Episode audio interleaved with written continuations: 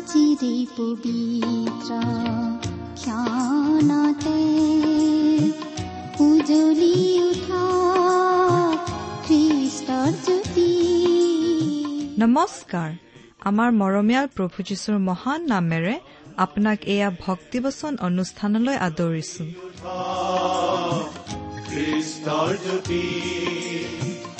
আকাশ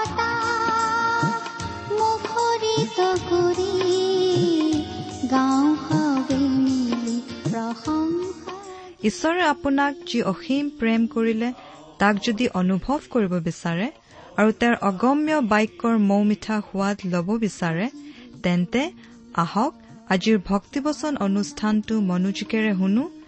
এয়া আপোনালৈ আগবঢ়াইছো ঈশ্বৰৰ জীৱন্ত বাক্যৰ অনুষ্ঠান ভক্তিবচন।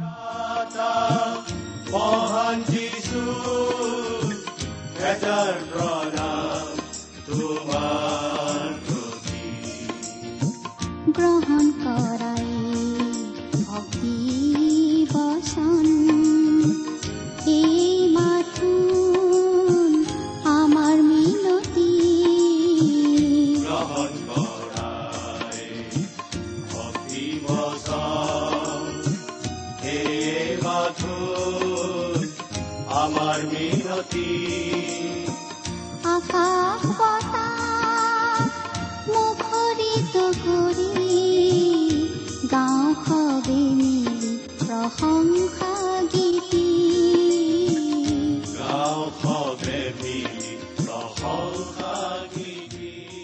আমাৰ পৰম পবিত্ৰ প্ৰভু যীশুখ্ৰীষ্টৰ নামত নমস্কাৰ প্ৰিয় শ্ৰোতা।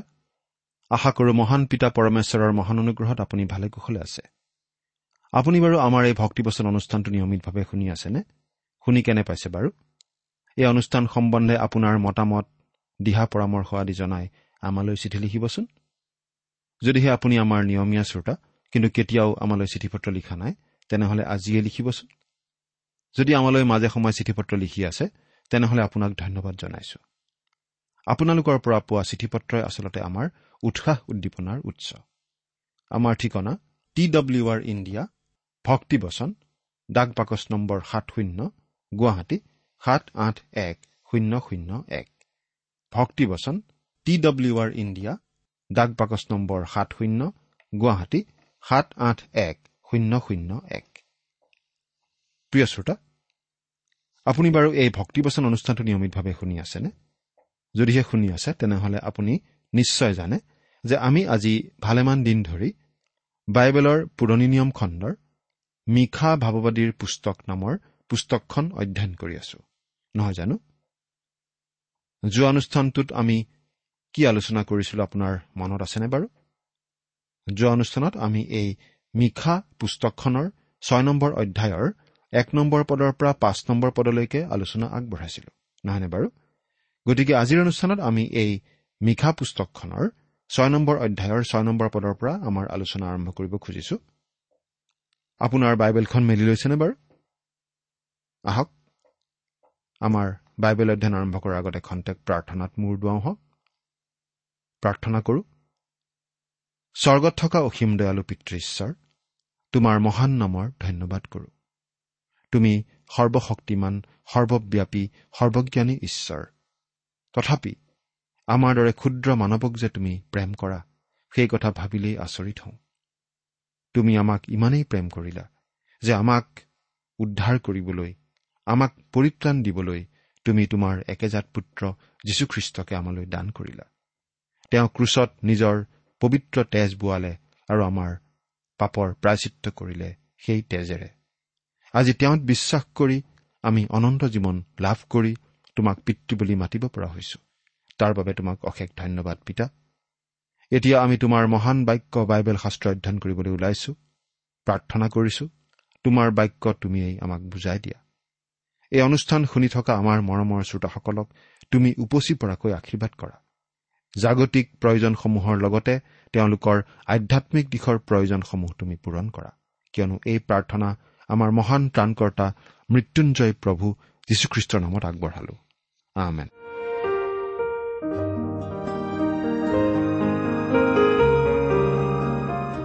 প্ৰিয় শ্ৰোতা মিশা ভাৱবাদীৰ পুস্তকৰ প্ৰতিটো অধ্যায়তে আমি একোটা মনোমোহা অভিনৱ শাস্ত্ৰাংশ পাইছো। এতিয়া আমি আন এটা এনেকুৱা মনোমোহা শাস্ত্ৰাংশ পাব ধৰিছো এই ছয় নম্বৰ অধ্যায়ৰ ছয় নম্বৰ পদৰ পৰা আঠ নম্বৰ পদত। বিশেষকৈ আঠ নম্বৰ পদটো পাই আধুনিকতাবাদীসকলে বৰ আনন্দ পায়। আৰু তেনেকুৱা আধুনিকতাবাদীসকলে কয় প্ৰকৃত ধৰ্ম এইটোহে? এইটোৱেই পুৰণি নিয়মৰ সকলোতকৈ গুৰুত্বপূৰ্ণ উক্তি। এইটো যে এটি গুৰুত্বপূৰ্ণ উক্তি সেই কথাত আমিও সেই আধুনিকতাবাদীসকলৰ সৈতে একমত। কিন্তু তেওঁলোকে আগবঢ়োৱা ব্যাখ্যাহে আমি মানি ল'ব নোৱাৰো। ঈশ্বৰে সেই লোকসকলক অৰ্থাৎ ইছৰাইল জাতিক অনুৰোধ জনাই আছিল তেওঁলোকে যাতে তেওঁলৈ ঘূৰি আহে। ইমান দিনে কৰি অহা অৱহেলাৰ বাবে আৰু বিভিন্ন পাপৰ বাবে তেওঁলোকে যাতে অনুতাপ কৰে আৰু তেওঁলৈ ঘূৰি আহে। তেওঁ উল্লেখ কৰিছে অতীতত তেওঁ তেওঁবিলাকক কেনেকৈ উদ্ধাৰ কৰিছিল সেই কথা। তেওঁ মিছৰ দেশৰ পৰা তেওঁলোকক উদ্ধাৰ কৰি আনিছিল। অৰণ্যৰ মাজেদি বাট দেখুৱাই লৈ গৈছিল। মানুহবোৰে সোধা চাৰিটা প্ৰশ্ন আছিল। সেইকেইটা ভাল প্ৰশ্নই আছিল। সেই প্ৰশ্নকেইটাৰ উত্তৰকেইটাহে সকলোতকৈ গুৰুত্বপূৰ্ণ। এইটো শাস্ত্ৰৰ অতি গুৰুত্বপূৰ্ণ অংশ কাৰণ এই শাস্ত্ৰাংশখিনি আধুনিকতাবাদীসকলে আজি সম্ভৱতঃ বাইবেলৰ আন শাস্ত্ৰাংশতকৈ অধিক ব্যৱহাৰ আৰু অপব্যৱহাৰ কৰি আহিছে। এইটো নিঃসন্দেহে যথেষ্ট গুৰুত্বপূৰ্ণ শাস্ত্ৰাংশ আৰু আমি অতি সাৱধানে অধ্যয়ন কৰা উচিত যাতে মিশা ভাৱবাদীয়ে কি প্ৰসংগত কথাখিনি কৈছিল সেই প্ৰসংগটো আমি মনত ৰাখোঁ। কাৰণ গোটেই পুৰণি নিয়মখনৰ সামগ্ৰিক কথাখিনিৰ সৈতে এই কথাখিনি জড়িত হৈ আছে। আমি এই বিষয়ে নিশ্চিত যে ঈশ্বৰ এজন আছে বুলি বিশ্বাস কৰা প্ৰত্যেক মানুহেই এই প্ৰশ্নটো সুধিব বিচাৰে। মই কি উপায়েৰে ঈশ্বৰৰ ওচৰলৈ যাম? যদিহে আপুনি নাস্তিক নহয় তেনেহলে এই প্ৰশ্ন নিশ্চয় আপোনাৰ মনলৈ আহিবই। অতীজৰে পৰা পৃথিৱীৰ বিভিন্ন জাতিৰ লোকবিলাকে এই প্ৰশ্ন সুধিছে আৰু নিজৰ বাবে উত্তৰ উলিয়াই লৈছে। প্ৰকৃত ঈশ্বৰক চিনি নোপোৱা জাতিবোৰৰ চিন্তাধাৰা বা মনোভাৱটো প্ৰকাশ পায়। তেওঁলোকে উপাসনা কৰা বিভিন্ন আকৃতিৰ দেৱ দেৱীৰ প্ৰতিমা আদিৰ জৰিয়তে। তেওঁলোকৰ চিন্তাধাৰাটো এই কথাটোতো প্ৰকাশ পায় যে যেতিয়া কিবা সমস্যা আহে তেতিয়া তেওঁলোকে ভাবে সেই দেৱ দেৱী বা প্ৰতিমাৰ খং উঠা বুলি। আৰু যিকোনো প্ৰকাৰে সেইজনক সন্তুষ্ট কৰিব লাগিব বুলি। আচলতে আজিৰ তথাকথিত আধুনিক সমাজতো মানুহবিলাকে তেনেকুৱা ধাৰণাই মনত ৰাখি চলিছে। ইয়াত ইছৰাইলীয়া লোকবিলাকে এটা প্ৰশ্ন সুধিছে আৰু প্ৰশ্নটো বৈধ প্ৰশ্ন। বাইবেলৰ পৰা পঢ়ি দিম। ছয় নম্বৰ অধ্যায়ৰ ছয় নম্বৰ পদ। যদিহে আপোনাৰ লগত বাইবেল আছে অনুগ্ৰহ কৰি চাই যাব আৰু যদিহে লগত বাইবেল নাই অনুগ্ৰহ কৰি মন দি শুনিব। ছয় নম্বৰ পদ মই কি লৈ জিহুৱাৰ আগলৈ যাম আৰু সৰ্বোপৰি ঈশ্বৰক প্ৰণাম কৰিম? মই হোম বলি স্বৰূপে এবছৰীয়া দামুৰি লৈ তেওঁৰ আগলৈ যামনে? ইছৰাইলীয়া লোকবিলাকৰ প্ৰথম প্ৰশ্নটো হৈছে মই প্ৰভু জিহুৱাৰ আগলৈ কি লৈ আহিম আৰু সেই সৰ্বোপৰিজনাৰ আগত কিহেৰে মূৰ নত কৰিম? অৰ্থাৎ তেওঁলোকে যেন কৈছে ঈশ্বৰৰ কি দায় লাগিল? আমাৰ প্ৰতি তেওঁ অসন্তুষ্ট কিয়? আমি ধৰ্ম ব্যৱস্থাৰ সকলোবিলাক আচাৰ ব্যৱহাৰ ৰীতি নীতি আদি পালন কৰি আহিছো। আমি পালন কৰি থকা এই বাহ্যিক ৰীতি নীতিবিলাক তেওঁৱেই আমাক দিয়া। কিন্তু ঈশ্বৰে তেওঁলোকক এটা সম্বন্ধও দিছিল। ঈশ্বৰৰ সৈতে তেওঁলোকৰ সম্বন্ধ। সেই সম্বন্ধটোৰ কথা কিন্তু তেওঁলোকে পাহৰি গৈছিল। সেই সম্বন্ধ তেওঁলোকে হেৰুৱাই পেলাইছিল। আকৌ প্ৰশ্নটো হৈছে মই কি লৈ জিহুৱাৰ আগলৈ যাম আৰু সৰ্বোপৰি ঈশ্বৰক প্ৰণাম কৰিম? মই ঈশ্বৰলৈ কি আনিব পাৰোঁ? তেওঁকনো মই কি দিব পাৰোঁ? তেওঁ থাকে সৰগত আৰু মই আছো এই পৃথিৱীত। তেওঁৰ ওচৰ মই কেনেকৈ চাপিব পাৰোঁ? তেওঁৰ সৈতে মই কেনেদৰে কথা বতৰা পাতিব পাৰিম? তেওঁৰ সৈতে মই সম্বন্ধ স্থাপন কেনেদৰে কৰিম? তেওঁক মই সন্তুষ্ট কেনেদৰে কৰিম? আৰু মইনো পৰিত্ৰাণ বা মুক্তি কেনেদৰে পাম? তেওঁলোকৰ নিচিনাকৈ ফিলিপি নগৰৰ সেই জেলৰ দাৰোগাজনেও সুধিছিল পৰিত্ৰাণ পাবলৈ মই কি কৰিব লাগে? কেনেদৰে ঈশ্বৰৰ সৈতে মোৰ সম্বন্ধ ঠিক হ'ব পাৰে? এইটো নিশ্চয় এটা ভাল প্ৰশ্ন উচিত প্ৰশ্ন। এই প্ৰশ্নটোত নিশ্চয় একো ভুল নাই। মানুহবিলাকৰ দ্বিতীয় প্ৰশ্নটো হৈছে মই হোম বলি স্বৰূপে এবছৰীয়া দামুৰি লৈ তেওঁৰ আগলৈ যামনে? ঈশ্বৰে তেওঁলোকৰ পৰা বলিদান বিচাৰিছিল। লেবিয়া পুস্তকৰ প্ৰথম অংশত ঈশ্বৰে তেওঁলোকক দিহা দিছিল পাঁচবিধ বলিদানৰ বিষয়ে। তেওঁলোকে সেই বলিবিধানবোৰ পালন কৰিব লাগিছিল ঈশ্বৰৰ কাষলৈ আহিবৰ বাবে। গতিকে তেওঁলোকে আচলতে এই বুলি সুধিছিল আমি কেৱল ধৰ্মীয় ৰীতি নীতিখিনি পালন কৰিলেই যথেষ্ট হ'বনে? মানুহৰ চিন্তা ভাৱনাটো অৱশেষত গৈ গৈ এই পৰ্যায়লৈ নামে। মই ঈশ্বৰৰ বাবে কিবা এটা কৰিব লাগে। তেওঁৰ বাবে মই কিবা কৰাটো তেওঁ বিচাৰে। কিন্তু আমি ক'ব খোজো এই চিন্তাটোৱে আচলতে আন কিহবাতকৈ মানুহৰ গৰ্বী অন্তৰখনহে প্ৰকাশ কৰে। আমি ঈশ্বৰৰ বাবে কিবা এটা কৰিব বিচাৰো। আমি যেতিয়া মুকলি হাতেৰে কিবা এটা ডাঙৰ দান আগবঢ়াওঁ তেতিয়া আমাৰ অন্তৰখন গৰম গৰম লাগে। মনটো বৰ ভাল লাগে। প্ৰকৃততে পৰিত্ৰাণ নোপোৱা মানুহজনে কয় মইতো গীৰ্জালৈ যাওঁ।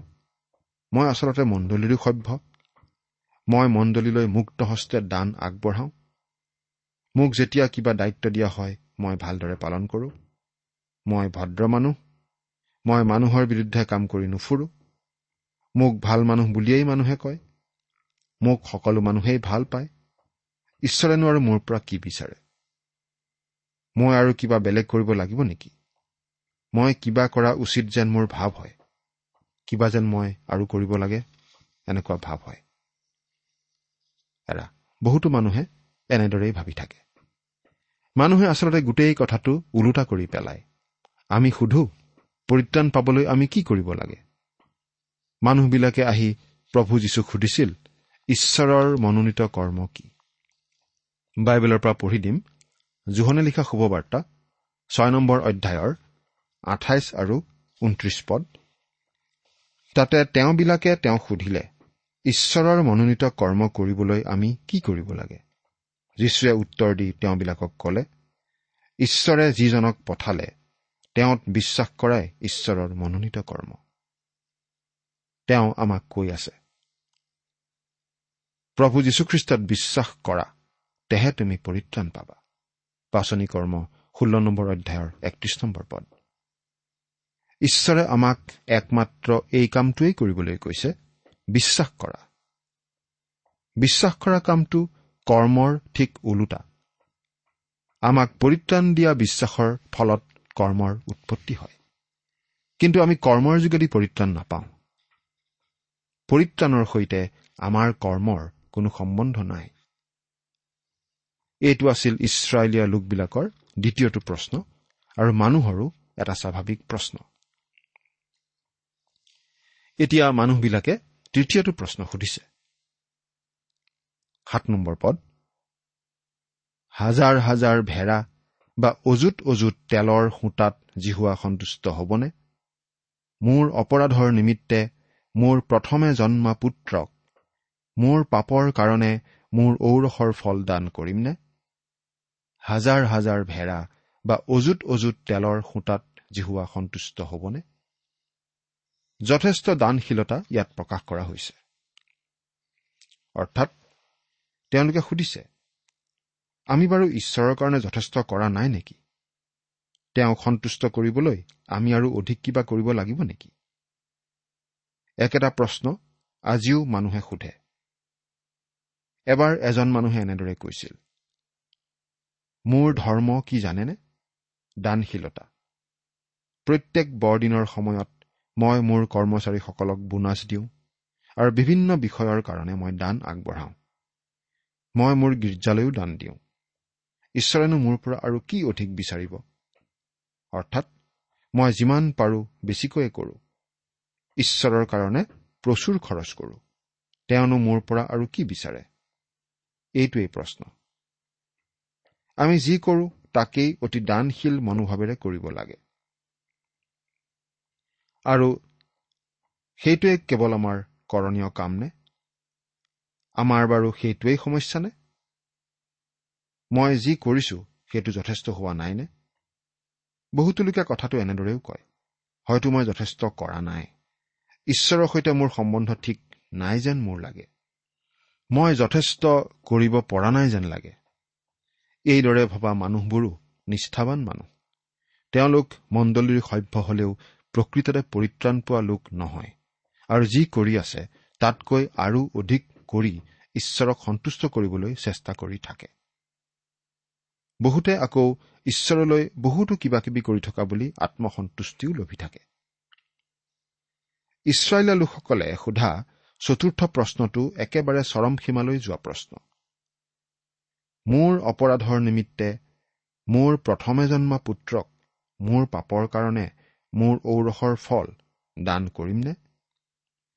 এই প্ৰশ্নটো সেই মানুহবোৰৰ কাৰণে অৰ্থপূৰ্ণ আছিল কাৰণ তেওঁলোকৰ চাৰিওপিনে থকা বৰ্বৰ লোকবিলাকে মোলেক আৰু বাল দেৱতাৰ পূজা কৰি নৰবলি আগবঢ়াইছিল। মাজে মাজে ইছৰাইলীয়বোৰো সেই পথে গৈছিল। দক্ষিণ ৰাজ্য অৰ্থাৎ জিহুদা ৰাজ্যৰ দুজন অতি ঈশ্বৰ বিশ্বাসহীন ৰজাই নৰবলি দিয়া কামত জড়িত হৈছিল আহজ আৰু মঞ্চী এই মন্দ ৰজা দুজনে নিজৰ সন্তানকেই নৈবেদ্যস্বৰূপে আগবঢ়াইছিল। কিন্তু ঈশ্বৰে জানো সেইবোৰ বিচাৰে? ঈশ্বৰে তেওঁলোকক কেতিয়াও সন্তান বলি দিবলৈ কোৱা নাছিল। তেওঁলোকৰ গৰু ভেড়া আদি সকলোৰে প্ৰথমে জন্মা আৰু প্ৰথম সন্তানক ঈশ্বৰৰ প্ৰতি উচৰ্গা কৰিব লাগিছিল কিন্তু নৰবলি দিয়াৰ কথা ঈশ্বৰে কেতিয়াও কোৱা নাছিল। উদাহৰণস্বৰূপে বহু শাস্ত্ৰাংশ আছে যদিও আমি মাত্ৰ দুটামানহে চাম। গণনা পুস্তক ওঠৰ নম্বৰ অধ্যায়ৰ পোন্ধৰ নম্বৰ পদ। মানুহ হওক বা পশু হওক সকলো প্ৰাণীৰ মাজত গৰ্ভভেদ কৰি প্ৰথমে ওলোৱা যিবোৰক তেওঁবিলাকে জিহুৱাৰ অৰ্থে আগ কৰিব সেই সকলো তোমাৰেই হ'ব। কিন্তু মানুহৰ প্ৰথমে জন্মাক তুমি অৱশ্যে মোকলাই দিবা আৰু অসুচী পশুৰ প্ৰথমে জগাকো তুমি মোকোলাই দিবা। প্ৰথমে জন্মা মতা শিশুটো ঈশ্বৰে দাবী কৰিছিল। কিন্তু সেই প্ৰথমে জন্মা সন্তানৰ মুক্তিধন হিচাপে ৰূপ দিব লাগিছিল। অৰ্থাৎ ঈশ্বৰে নৰবলি গ্ৰহণ নকৰে তেওঁ অসুচী জন্তুৰ বলিও গ্ৰহণ নকৰে। এইটো মন কৰিবলগীয়া কথা। মানুহ আচলতে অসুচী। সেইকাৰণে সন্তান জন্ম দিয়াৰ পাছতে মহিলাগৰাকীকো অসুচী বুলি গণ্য কৰা হৈছিল। কাৰণ তেওঁ এই পৃথিৱীলৈ এটি অসুচী শিশু আনিলে। ডায়ুদে এই বুলি কৈছিল গীতমালা একাৱন্ন নম্বৰ গীতৰ পাঁচ নম্বৰ পদ। চোৱা অধৰ্মতে মোৰ জন্ম হল। মোৰ মাতৃয়ে মোক পাপতে গৰ্ভধাৰণ কৰিলে। সেইবাবেই কেঁচুৱাটো মন্দিৰলৈ নি ধন দি মোকোলাব লাগিছিল। তেনেদৰে মুক্তি ধন দি মোকোলোৱা শিশুহে ঈশ্বৰে গ্ৰহণ আৰু ব্যৱহাৰ কৰে। আমাৰ সন্তানবোৰকো আমি গীৰ্জাঘৰত উচৰ্গা কৰোঁ প্ৰাৰ্থনাৰে। কিন্তু মুক্তিদাতা প্ৰভু যীশুৰ তেজেৰে মুক্তিধন দি মুক্তি লাভ কৰাৰ পাছতহে ঈশ্বৰে আমাৰ সন্তানবোৰক ব্যৱহাৰ কৰিব পাৰে। যাত্ৰা পুস্তক তেৰ নম্বৰ অধ্যায়ৰ দুই নম্বৰ পদত আমি এই বুলি পঢ়িবলৈ পাওঁ ইছৰাইলৰ সন্তানবিলাকৰ মানুহৰেই হওক বা পশুৰেই হওক গৰ্ভভেদ কৰি ওলোৱা সকলো প্ৰথম গৰ্ভফল মোৰ উদ্দেশ্যে পবিত্ৰ কৰা সি মোৰেই। কিন্তু লেবিয়া পুস্তকৰ ওঠৰ নম্বৰ অধ্যায়ৰ একৈশ নম্বৰ পদত আমি এই বুলি পঢ়িবলৈ পাওঁ। আৰু তোমাৰ সন্তানৰ কাকো মূলক দেৱতাৰ উদ্দেশ্যে অগ্নিৰ মাজেদি গমন কৰাই তোমাৰ ঈশ্বৰৰ নাম অপবিত্ৰ নকৰিবা মই জিহুৱা। অৰ্থাৎ ঈশ্বৰে কৈছে নৰবলি নিদিবা। তোমাৰ সন্তান মোলৈ বলি নিদিবা। তেনে কৰিলে মোৰ বিৰুদ্ধে অপৰাধ কৰা হ'ব। আমি আমাৰ সন্তানসকলক প্ৰভুলৈ কেনেভাৱে আগবঢ়াব লাগে? তেওঁলোকে যাতে প্ৰভু যীশুত বিশ্বাস স্থাপন কৰি পৰিত্ৰাণ গ্ৰহণ কৰে তাৰ বাবে প্ৰাৰ্থনা জনাব লাগে। আৰু তাৰ পাছত ঈশ্বৰে যেনেদৰে বিচাৰে তেওঁলোকক ব্যৱহাৰ কৰক বুলি আমি প্ৰাৰ্থনা জনাব লাগে। কিন্তু প্ৰভু যীশুক গ্ৰহণ নকৰোতেই কাকো আমি জোৰকৈ প্ৰভুৰ পৰিচৰ্যাত ব্যৱহাৰ কৰিব নোৱাৰো। এতিয়া আঠ নম্বৰ পদটো পঢ়ি দিছো। হে মনুষ্য যি ভাল তাক তেওঁ তোমাক দেখুৱালে। আৰু ন্যায় কাৰ্য কৰাৰ দয়া ভাল পোৱাৰ আৰু নম্ৰভাৱে নিজ ঈশ্বৰে সৈতে চলাৰ বাহিৰে জিহুৱাই তোমাৰ পৰা আৰু কি বিচাৰে? এই পদটো পঢ়ি বহুতে ভাবে যে কৰ্মই ধৰ্ম। কৰ্মৰ যোগেদি আমি পৰিত্ৰাণ লাভ কৰিব পাৰোঁ। কিন্তু ইয়াত আচলতে মিখাই উত্তৰ ইছৰাইল ৰাজ্যৰ লোকবিলাকৰ প্ৰশ্নৰহে উত্তৰ দিছিল। তেওঁলোক অন্ধকাৰত আছিল আৰু ঈশ্বৰৰ বাক্যৰ শিক্ষা লাভ কৰা নাছিল। ঈশ্বৰৰ ওচৰলৈ কেনেদৰে অহা উচিত সেইটো তেওঁলোকে জানিব বিচাৰিছিল। তেওঁলোকে জানিব বিচাৰিছিল কি বলি কিমান বলি দি তেওঁলোক ঈশ্বৰলৈ আহিব পাৰিব। মিখাই সেই প্ৰশ্নবোৰৰ উত্তৰত কৈছে যে ঈশ্বৰক সেইবোৰৰ প্ৰয়োজন নাই। আভ্যন্তৰীণ অভিজ্ঞতা নথকা ভিতৰত বাস্তৱতা নথকা বাহ্যিক ধৰ্ম কৰ্ম একেবাৰে মূল্যহীন। এটা নতুন জন্ম হ'ব লাগিব। ব্যক্তিজনে এটা নতুন জন্ম নতুন স্বভাৱ পাব লাগিব। বাহ্যিকতা প্ৰয়োজনীয় নহয়। ঈশ্বৰে তাৰ পৰা আৰম্ভ নকৰে। ঈশ্বৰে কিহত আনন্দ পায় মানুহৰ পৰা তেওঁ কি বিচাৰে যদি আপুনি জানিব বিচাৰে এই পদটোৱে আপোনাক ক'ব। এই পদটো আমি সাৱধানে চোৱা উচিত। কৰ্মৰ যোগেদি পৰিত্ৰাণ পাব পৰা যায় বুলি কোৱা লোকসকলেও এই পদটোৰ সঠিক ব্যাখ্যা কৰা উচিত। তেওঁলোকেও এই কথা বুজি পাব যে আমি আমাৰ সৎকৰ্মৰ যোগেদি পৰিত্ৰাণ পাব নোৱাৰো কাৰণ আমাৰ সৎকৰ্ম নায়েই। হে মনুষ্য যি ভাল তাক তেওঁ আমাক দেখুৱালে। সকলো কালৰ সকলো মানুহৰ বাবে এই কথা কোৱা হৈছে। ঈশ্বৰে বিচৰা বস্তু তিনিটা হৈছে। আপুনি ন্যায় কাৰ্য কৰিব লাগিব। অৰ্থাৎ ঈশ্বৰৰ আগত আগবঢ়াবলৈ আপোনাৰ এটা ধাৰ্মিকতা থাকিব লাগিব। আপুনি আন মানুহৰ প্ৰতি আচাৰ ব্যৱহাৰত জীৱন আচৰণত সৎ আৰু নিষ্ঠাবান হ'ব লাগিব। দ্বিতীয়তে আপুনি দয়া ভাল পাব লাগিব। ঈশ্বৰৰ পৰা দয়া বিচাৰিলেই নহ'ব। আপুনি আনকো দয়া কৰিব পাৰিব লাগিব। তৃতীয়তে আমি ঈশ্বৰে সৈতে নম্ৰভাৱে চলিব লাগিব। আমি বাৰু নিজৰ শক্তিৰে এনেদৰে চলিব পাৰিমনে? ঈশ্বৰৰ সহায় নোহোৱাকৈ পাৰিমনে? ঈশ্বৰৰ পৰা পৰিত্ৰাণ গ্ৰহণ নকৰাকৈ পাৰিমনে? নোৱাৰো। কাৰণ এই সকলোবিলাক পবিত্ৰ আত্মাৰহে ফলস্বৰূপে উৎপন্ন হয় আমাৰ জীৱনত। গালাটীয়া পাঁচ নম্বৰ অধ্যায়ৰ বাইছ আৰু তেইছ নম্বৰ পদ পঢ়িলে এই কথা আপুনি বুজি পাব। গালাটীয়া পাঁচ নম্বৰ অধ্যায়ৰ বাইছ আৰু তেইছ পদ। অৰ্থাৎ খ্ৰীষ্টীয় বিশ্বাসীসকলৰ জীৱনত পবিত্ৰ আত্মাই মিশা ভাৱবাদীয়ে উল্লেখ কৰা এই গুণবোৰ ফুটাই তুলিব পাৰে। বিধানৰ অধীনত থাকি ডাঙৰ হোৱা পাচনীসকলৰ মতামতকেই চাওকচোন। পাচনীসকলে আলোচনা কৰি আছিল পৰজাতীয় লোকসকলক বিধান পালনৰ বাবে কোৱা উচিত হবনে নাই সেই কথা। তেতিয়া পাচনি পিতৰে বুলি কৈছিল এইকাৰণে আমাৰ পিতৃসকলে আৰু আমিও যি জুৱলীৰ ভাৰ সহিব নোৱাৰিলো তাক এতিয়া শিষ্যবিলাকৰ কান্ধত দি কিয় ঈশ্বৰৰ পৰীক্ষা কৰা?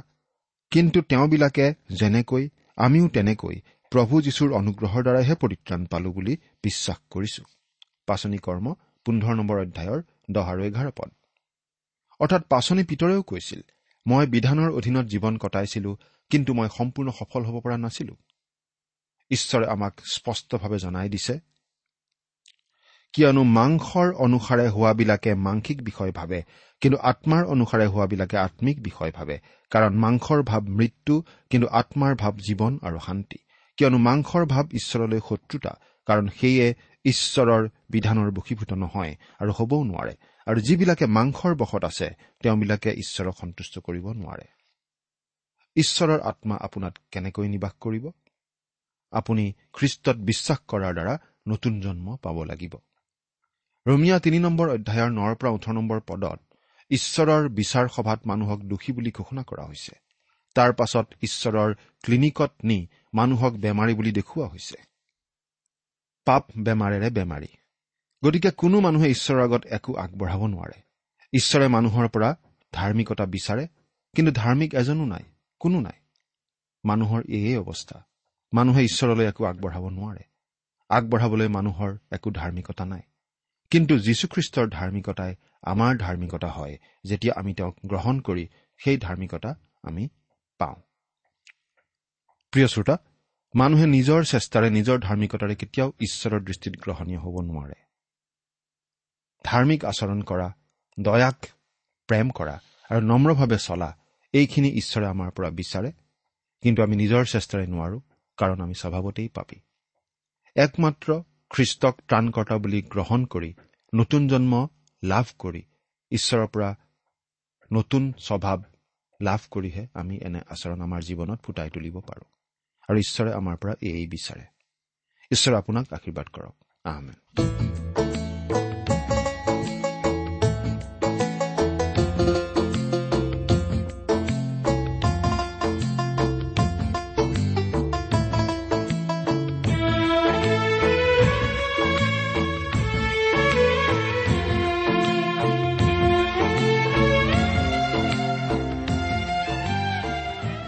ইমান পৰে আপুনি ভক্তিবচন অনুষ্ঠানটি শুনিলে।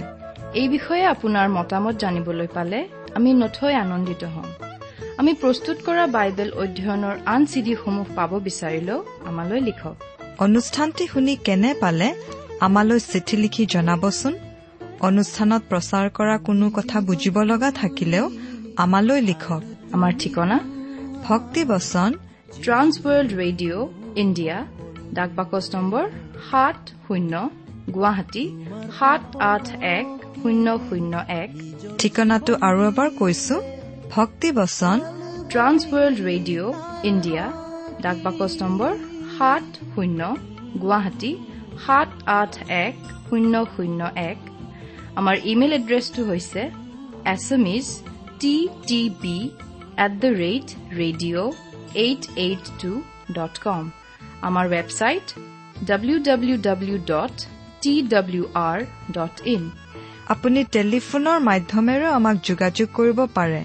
আমাৰ টেলিফোন নম্বৰটো হৈছে শূন্য তিনি ছয় এক দুই ছয় শূন্য চাৰি ছয় সাত এক। ফোন নম্বৰটো আকৌ এবাৰ কৈছো zero' three six one two six zero' four six seven one. আজিৰ অনুষ্ঠানটি ইমানতে সামৰিছো। ঈশ্বৰৰ শান্তি আৰু অনুগ্ৰহ আপোনাৰ লগত থাকক। ধন্যবাদ। তোমাৰ পাপৰ তেওঁহে সোঁৱৰণ কৰিলে যাতে চবু জীৱ পাৰা